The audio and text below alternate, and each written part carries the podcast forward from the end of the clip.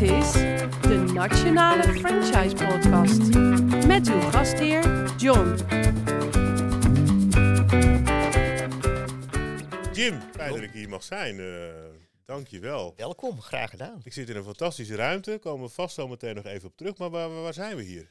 Wij zijn hier uh, bij uh, Kindercentrum Ambrosia. Wij zijn een kinderopvang in Almere. Dit is de hoofdlocatie. Uh, we zijn een middelgrote organisatie. We zijn gekomen van een kleine lo locatie naar een grotere locatie en nog een grotere locatie en toen een tweede locatie en een derde locatie en we konden de vierde openen en daar hadden we geen zin in.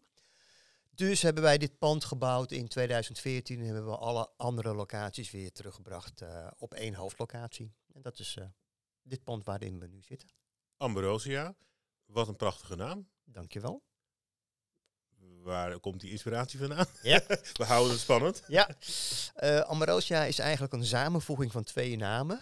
Amber, dat is de naam die Nelke en ik heel erg mooi vonden voor als wij onze eerste dochter mochten krijgen. Uh, en Roosja is vernoemd naar mijn helaas veel te vroeg overleden moeder. Dus uh, op dat moment twee belangrijke namen en vrouwen in mijn leven. En uh, de samenvoeging daarvan is uh, Amber Roosja geworden. Ja, want ik vroeg me af, waar komt die naam vandaan? Maar je hebt het al beantwoord. Ja. Fantastisch. we gaan een heleboel dingen behandelen. Maar één ding viel me gelijk op. Ik kom net binnen. Het eerste wat je allemaal vraagt, schoenen uit of sloffen aan? Ja. Hygiëne voorop, vertel. Ja, dat is gewoon standaard. Het is altijd, de kinderen lopen hier over de grond, of ze kruipen over de grond.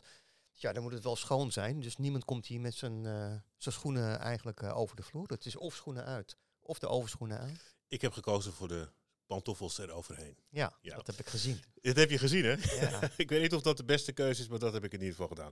Ambrosia, um, hoe lang besta je al? Hoe lang bestaat dit al? Wij zijn begonnen in 2007.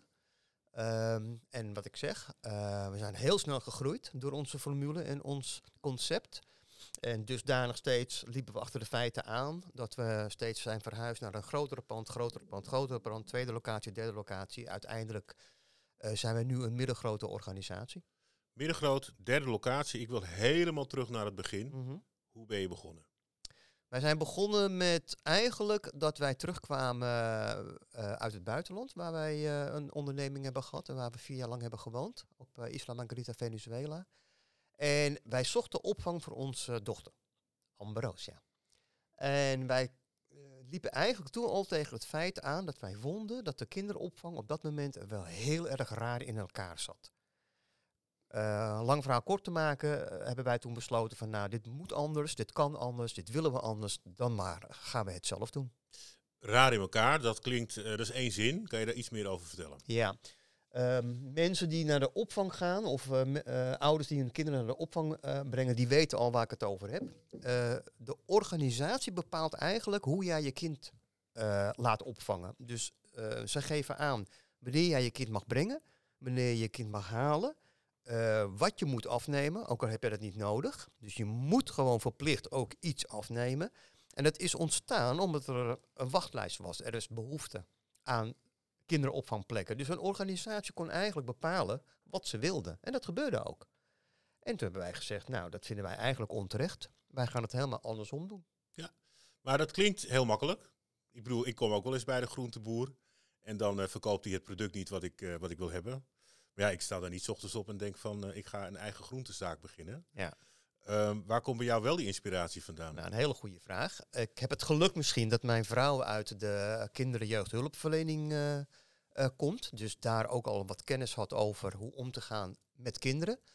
Uh, ik kom uit de zakelijke hoek. Ik heb altijd bij bedrijven gewerkt met nieuw business development. Dus hoe kom ik aan klanten? Hoe zet ik een bedrijf op? En hoe zorg ik ervoor dat dat gaat groeien? Ja, wij hebben gewoon onze krachten gebundeld. Onze kennis en expertise en ervaring hebben wij samen uh, op papier gezet. En toen zijn we Ambrosia begonnen. En dat gaat goed? Het gaat uh, meer dan goed. Het gaat meer dan goed, want ja. uiteindelijk, je bent ook een franchise-organisatie. Ja. Wat is voor jou de overweging geweest om er een franchise van te maken? Ik zeg altijd gekscherend, ik gun Nederland meer Ambrosia's, alleen ik gun mezelf niet meer personeel. Oké, okay, dat is een goeie. Ja, dus ik heb uh, bekeken van nou, wat is nou de beste formule om toch uh, ons concept en onze visie in de markt te plaatsen. En toen kom ik op, uh, op franchising. Ja, En ehm, hoe gaat het dan in zijn werk? Want ik kan me voorstellen dat als je een, ja, je bent in een sportzaak, maar dit is een hele gevoelige zaak ook. Hè? Met, je gaat met kinderen natuurlijk eh, aan de weer. Hoe zitten jouw selectiecriteria in elkaar? Ja. Hoe doe je dat?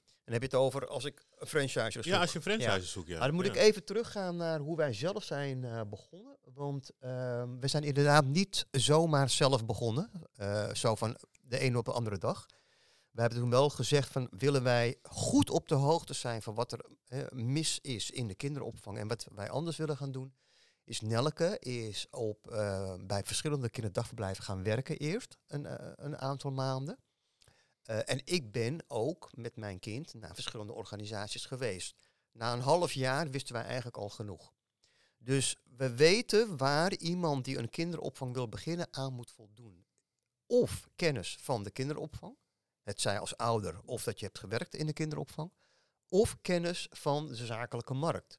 Hoe zet ik een business op? Hoe kom ik aan mijn klanten? Maar meer belangrijker, hoe behoud ik mijn klanten? Als je het namelijk in de kinderopvang gewoon goed doet, kan een klant tien jaar lang bij je blijven. Want als een ouder zich eenmaal vertrouwd voelt in jouw organisatie, hoef je alleen maar dezelfde kwaliteit te blijven leveren en zij gaan dan niet meer weg. Juist, alleen als het kind wat groter wordt, dan... eh, Op een zullen, en gegeven zullen moment. ook wat referenties natuurlijk uiteindelijk geven.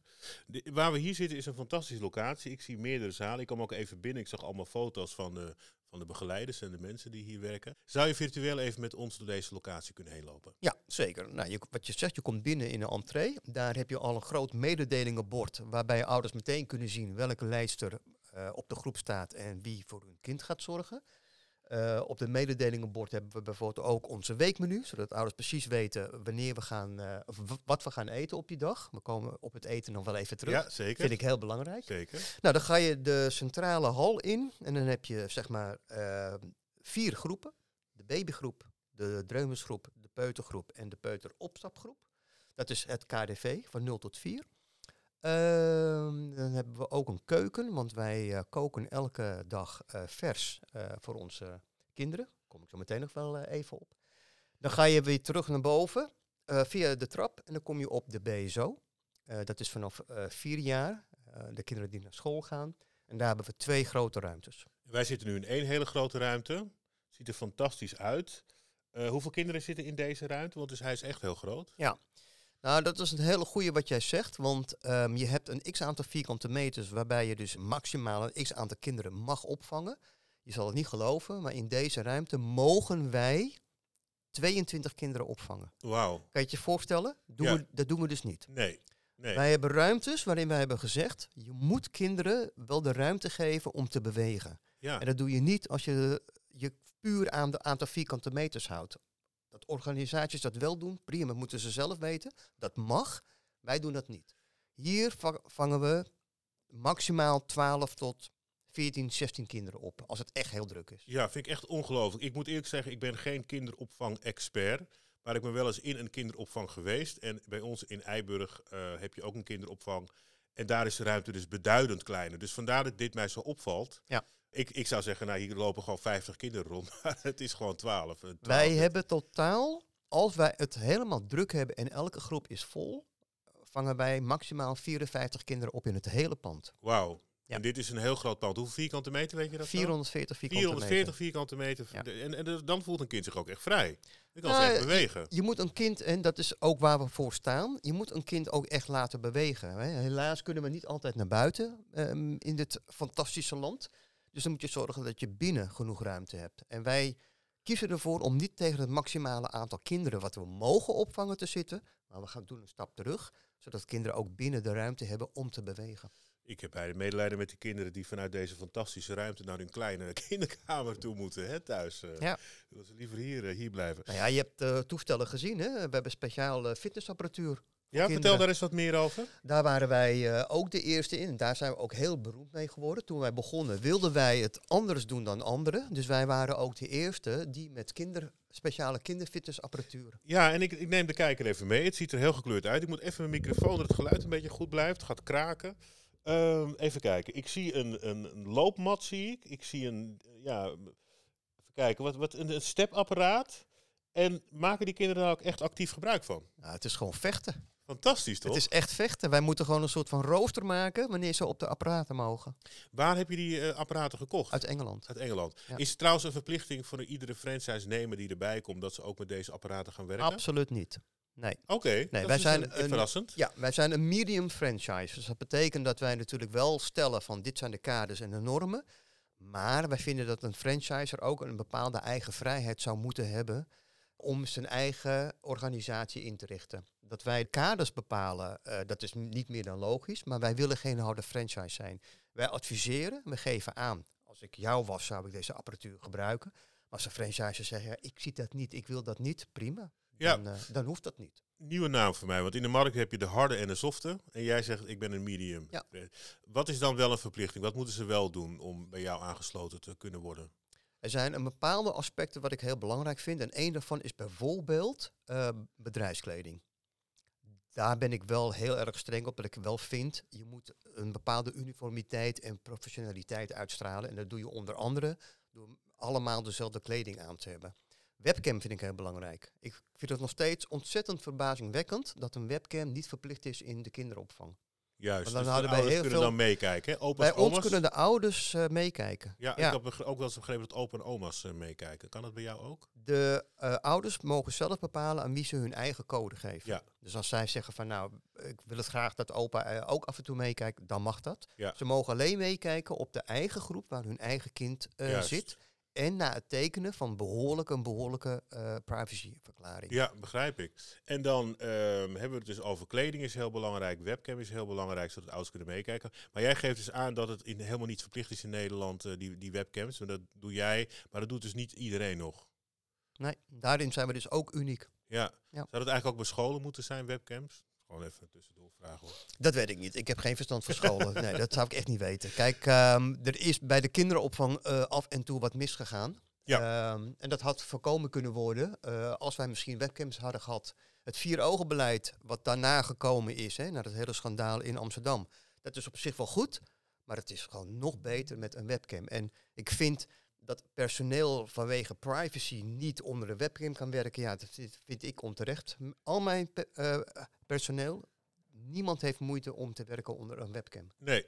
nee, dat zou ook raar zijn denk ik, als je daar moeite mee hebt. Want dan heb je wat te verbergen. Precies. Ehm, ik, ter voorbereiding ben ik op de website geweest. En eh, ik zie daar een, een aantal mooie kernwaarden. Eh, ik ga de vier achter elkaar even bij jou voorleggen. En daar wil ik heel graag even met je over praten. En we beginnen wat mij betreft met de laatste, want het is al een paar keer naar voren gekomen. Alle aandacht laten we, dat is nummer één, de huiselijke sfeer. Nou, dat, dat zie ik om me heen, dat mogen duidelijk zijn. Veel bewegen, nou, ook duidelijk, hè, zelfs sportapparaten. En dan die laatste, waar ik mee wil beginnen, want dat viel me dan echt wel op, gezond eten. Vinden we heel belangrijk. Gezond eten staat bij ons voor dat je geen maaltijden uit de magnetron of uit de diepvries haalt. Wij hebben ervoor gekozen om elke dag vers te koken. Dat betekent dat wij ervoor kiezen, ook weer iets wat ons een beetje uniek maakt. Wij zijn een van de weinige organisaties die nog een groepshulp hebben. Een groepshulp is, de naam zegt het al, een hulp op de groep om de lijster te ondersteunen. Tegenwoordig in een organisatie moet een leidster vanwege bezuinigingen moet ook boodschappen doen, moet ook schoonmaken, moet ook koken, afwassen, de was. Dat gebeurt bij ons dus niet. Nee, bij dat doen dat goed. de groepshulpen. Oké, En zij koken dus elke dag een verse maaltijd. elke dag een verse maaltijd. En geen magnetronmaaltijden. Nee, geen, Geen diepvries. Nee.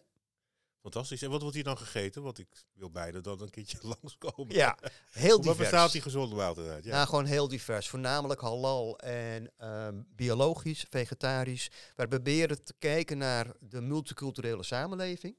Naar de wensen van de ouders, naar de behoeftes van de kinderen. En wij proberen elke week een ja, zo vers en divers mogelijke maaltijd eh, samen te stellen. Oké. Alle aandacht. Dat lijkt me iets wat bijna logisch is. Maar volgens mij ook niet altijd gebeurt door onderbezetting. Dat gebeurt bij jou wel. En bestaat dat ook uit het feit dat als jij een kind eh, hier, op de, ja, hier op de opvang hebt en eh, het lacht heel veel weken achter elkaar en op een gegeven moment zie je toch wat droevenis eh, bij zo'n kind ontstaan. Praat je daar dan ook met die ouders over? Wij monitoren heel veel. En ik zeg altijd, opvang is eigenlijk een samenwerking met ouders. Dus watgene wat wij hier met dat kind eh, betrachten, te bewerkstelligen, het ontwikkelen van de mogelijkheden van het kind. Dat moet eigenlijk één op één ook thuis gebeuren. Want als we het thuis niet doen, dan heeft het geen zin voor de, op de opvang. En als we het de opvang niet doen, heeft het geen zin voor thuis. Ik noem bijvoorbeeld het zindelijk maken. Dat is echt een samenwerking. Dus wij monitoren en overleggen en houden ook heel erg goed alles bij wat wij overdag doen met het kind. Daarna gaan we ook weer een stukje verder en dat maakt ons uniek. We hebben iPads, we hebben een back-office systeem, we hebben een app voor de ouders. In real time, elke minuut kunnen ouders kijken wat wij op dat moment met hun kind aan het doen zijn. Het wordt gewoon echt door de he- hele dag bijgehouden. Wauw. Je loopt ook wel steeds voor op mijn onderwerpen. Want dat Ja, waren- sorry. Dat waren de, dat waren de, je bent heel scherp, Jim. Heel Dankjewel. goed. Je houdt mij goed bij de les. Ja, dankjewel. Want dat waren, inderdaad, dat waren inderdaad de volgende punten. En ik draai ze dan gewoon even om. Hè. Alles digitaal, want je begon er net over. Voordelige tarieven, Ja. goede communicatie. En ook praat je over ervaren personeel. Ja. Digitaal, misschien dat je nog iets meer over kan vertellen. Want jij geeft net aan, iedereen kan alles meekijken. De ouders kunnen in ieder geval alles zien waar je op dat moment mee bezig bent. Ja. Waarom is dat belangrijk? Ook weer ga je terug naar hoe een opvang eh normaliter werkt. Normaliter is het zo, je brengt je kind en er wordt eh, door de ouder gezegd, nou, hij heeft geslapen, en, eh go goede nacht gehad, hij heeft niet gegeten, ik, ik ga, doei. Eind van de dag gebeurt het andersom. Ja, hij heeft geslapen, goed gegeten, doei. Nou, dat is niet hoe je eigenlijk wil dat je communiceert met ouders over hoe het gegaan is met je kind. Eigenlijk zou je gewoon door de hele dag door de ouders op de hoogte moeten stellen hoe het gaat. Heeft hij geslapen? Oké, maar hoe lang heeft hij geslapen? Is hij eh, een paar keer wakker geweest? Waarom is hij een paar keer wakker geweest? Wat hebben we toen gedaan toen hij wakker werd?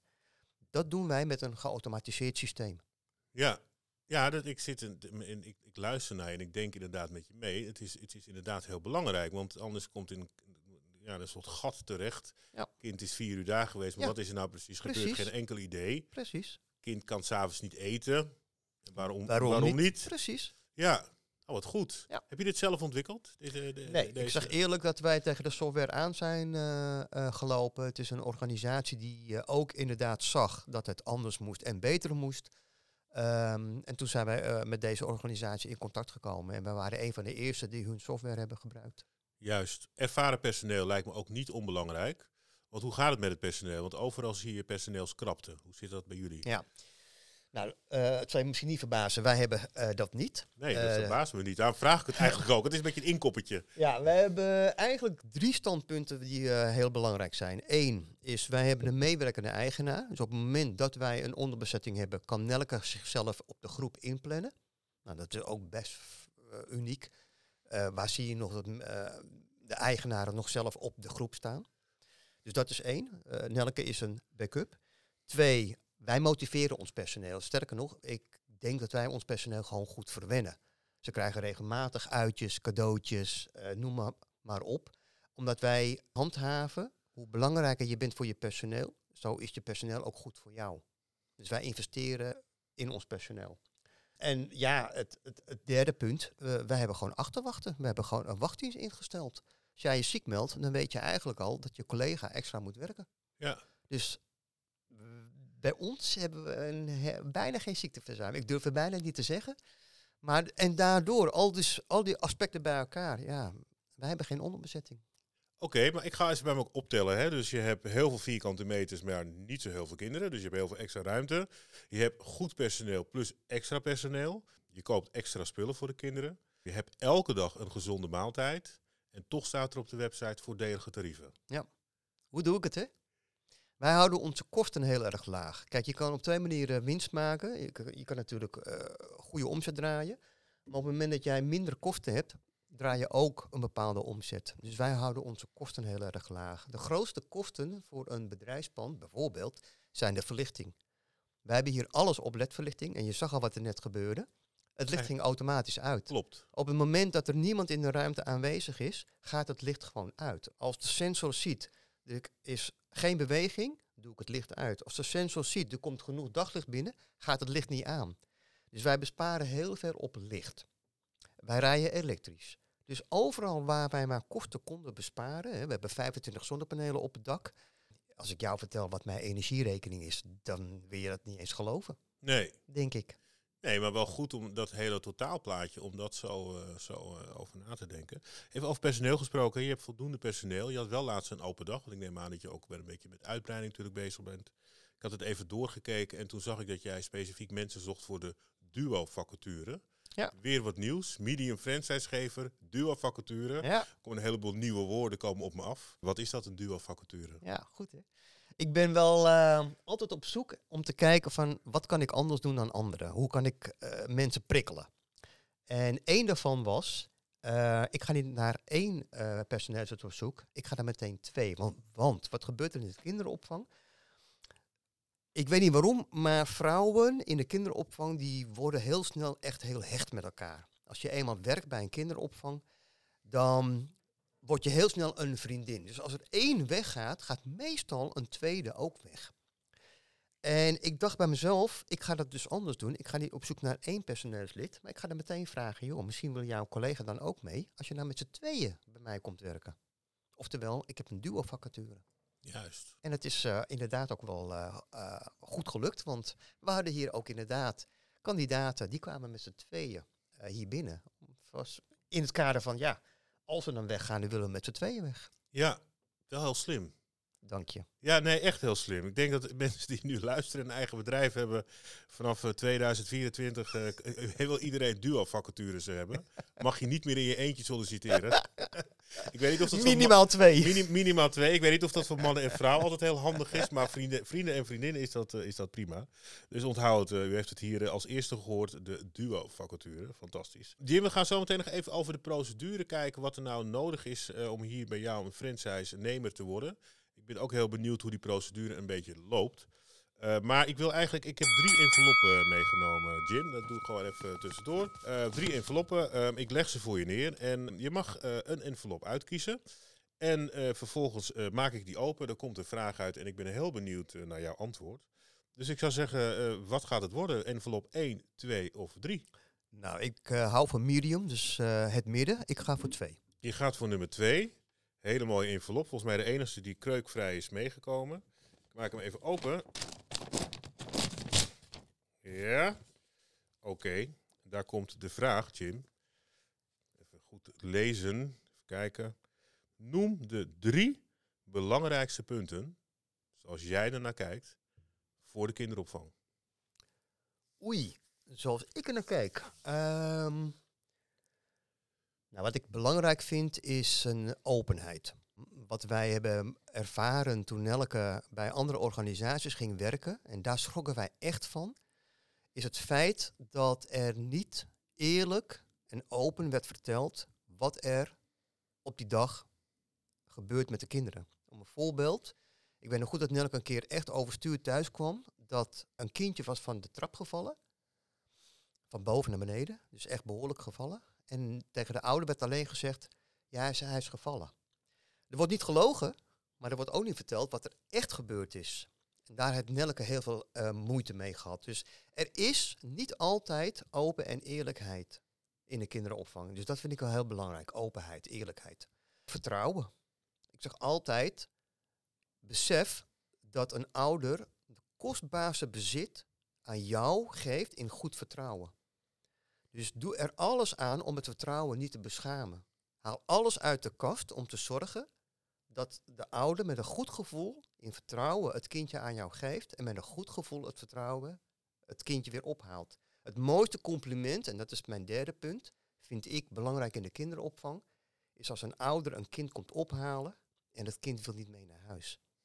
Ik zeg altijd tegen een ouder, wees dan blij. Dan heb je het goed gedaan. Dan heb je een goede organisatie uitgezocht. Ja, dus niet huilen als ze naar binnen gaan, maar huilen als ze naar buiten gaan. We hebben het meegemaakt hier hoor, echt. Nee, ik kan dat, me voorstellen. dat een, ja, een ouder hier beneden aan de trap staat. Tuurlijk. En dat het kind hierboven staat te blaren. Nee, ik ga niet mee. nee, natuurlijk niet. En de ouder zegt, nou weet je, dan blijf je maar hier. Ja. En, eh, ja. Nee, maar ze hebben thuis ook geen loopband en zo. Dus, Nee, ja, ik, ja, Ja. ja. je moet het gewoon zo leuk mogelijk maken. eten hier ook lekkerder dan thuis, weet jij veel. Ja, daar zou ik ook moeite mee hebben om dat eh, te doen. Ik wil nog even zo eh, naar die procedure toe. Maar Jim, ik praat een tijdje met jou en ehm, we hebben het natuurlijk vooral over Ambrosia, over jouw franchise-nemerschap. Maar je bent ook een hele inspirerende ondernemer, hè?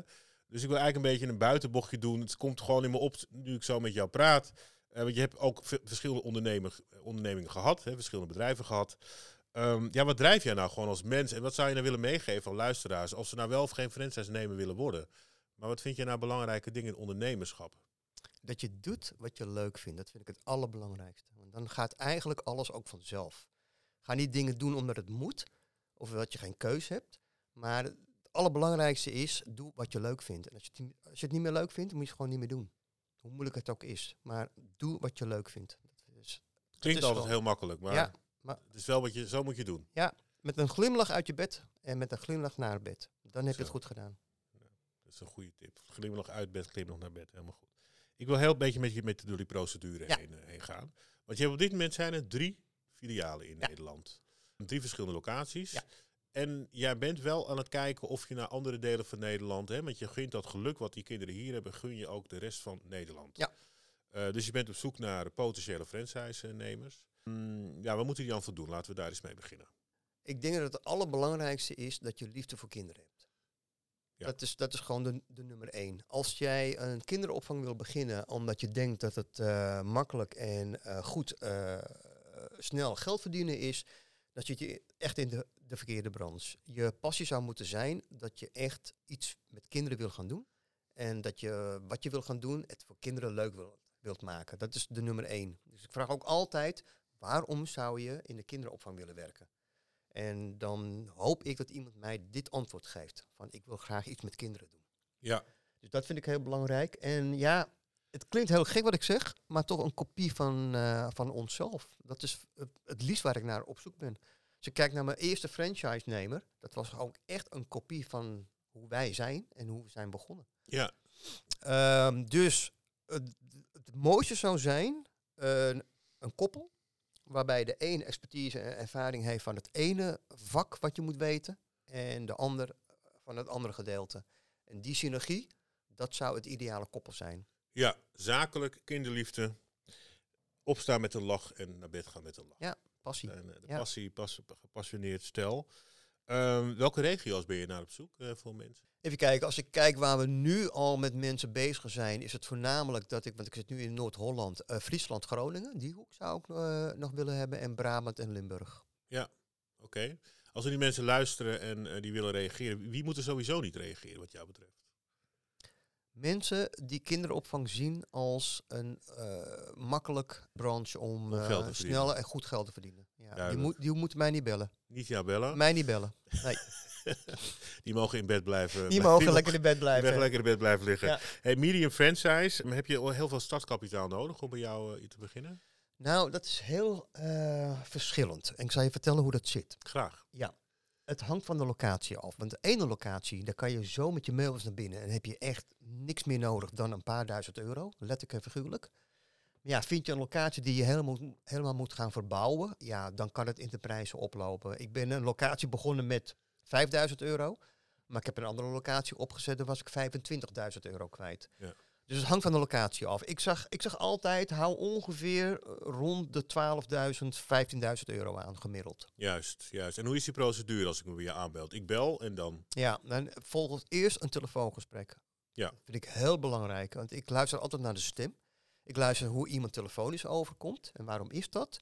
Het eerste contact wat je legt met een nieuwe klant die overweegt om, jou, om eh, hun kind bij jou opvang te brengen, gaat telefonisch. Dus hoe jij dan overkomt over de telefoon is eigenlijk gewoon heel erg belangrijk. Dus vandaar dat ik ook het eerste gesprek altijd telefonisch wil doen. Om te kijken hoe kom je al bij mij over. En gewoon puur kijken, zijn er raakvlakken? Is er überhaupt een reden om door te gaan? Wat is de drijfveer? Waarom zou je dit willen? Ehm, en als het telefoongesprek goed is, ja, dan eh, komt er een tweede eh, gesprek en die is dan persoonlijk. Toevallig vanmiddag heb ik dus met een potentiële kan, franchise-kandidaat die ik eerst telefonisch heb gesproken. Nou, die komt dan nu op bezoek. Ja. En dan uiteindelijk gaan ze de procedure in en dan komt er een beslissing. En dan zeg jij van, ik ben een medium franchise. Dus er zijn een aantal dingen die heel belangrijk zijn. Hè. We hebben het over het digitale traject, is heel belangrijk. De kleding is heel belangrijk.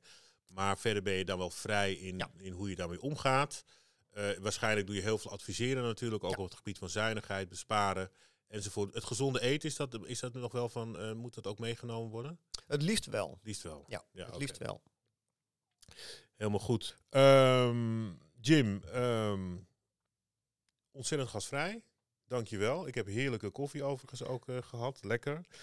Pantoffels zitten ook eh, heel fijn, moet ik erbij zeggen. En in een hele mooie ruimte zit ik hier. We hebben ontzettend veel besproken. Heel breed. Ehm, is er nog een punt waarvan jij zegt, hey, dat wil ik eigenlijk nog wel even aankaarten? Ja. Nou, wat wij ook wel erg belangrijk vinden is het stukje duurzaamheid. Ehm, ik ben er trots op om te zeggen dat wij een MVO-onderneming zijn. Uh, je hebt het te maken met kinderen. Kinderen zijn de toekomst. Dus ja, we moeten kijken naar de toekomst. Dus ik zou het ook wel fijn vinden um, dat wij een puntje duurzaamheid ook even belichten. Nou, ik zou zeggen, begin. Ja, dus probeer als wij een opvang uh, gaan starten met een franchiser, uh, zouden we ook wel fijn vinden als die open staat om uh, elektrisch te rijden, te denken aan het milieu. energiezuinig ondernemen, et cetera, et cetera. Ja, dat, dat, is wel echt belangrijk ook. Ja. ja. maar ook voor de kosten, maar ook gewoon voor de maatschappij waar we Absoluut. op dit moment in, in leven. Ja. Ambrosia, waar staat dat 2030? Noem maar even wat. Nou, heel grappig. Um, wij uh, uh, hebben de, uh, de, de hoop en de wens om in 2030 minimaal 10 filialen te hebben. Oké, okay, dat staat al op de kaart. Ja. Nou, gaat gewoon lukken toch? Ja, dat, ja, dat denk ik wel. Ja, dat ja. gaat zeker lukken. Met jouw ambitie, met de ambitie van je partner erbij, kan, kan niet missen. Um, Jim, bedankt. Het is uh, zaterdagochtend hebben we het opgenomen. Je was de afgelopen dagen ook nog een beetje grieperig, maar je hebt toch de tijd gevonden om dit te doen. Nogmaals, dankjewel. Voor de luisteraars, uh, ja, het is voor jou weekend, maar je moet vanmiddag ook werken. Ja. Werk je trouwens vaak in de weekenden door, even? Ja, ja, ja, wij hebben de rondleidingen en de gesprekken met franchise-kandidaten hebben we altijd op de zaterdag. Altijd in de ja, weekend. Dus zometeen hebben we eerst een rondleiding voor een potentiële nieuwe klant. Ja. En daarna hebben we een gesprek met de franchise-kandidaat. Maar dat is el, uh, ja, bijna elke zaterdag. Gewoon een drukke dag dus vandaag nog voor ja. jou. Oké, okay, goed. Ik hoop dat je morgen uh, lekker rust hebt. En voor de mensen die dit luisteren op maandagochtend, ik zou zeggen, geniet van de week die eraan komt. En luister je dit op vrijdagavond, dan zou ik zeggen van... Uh, geniet van het weekend wat eraan komt. Uh, afsluitend, Jim bedankt, luisteraars bedankt voor het luisteren en uh, tot een volgende keer.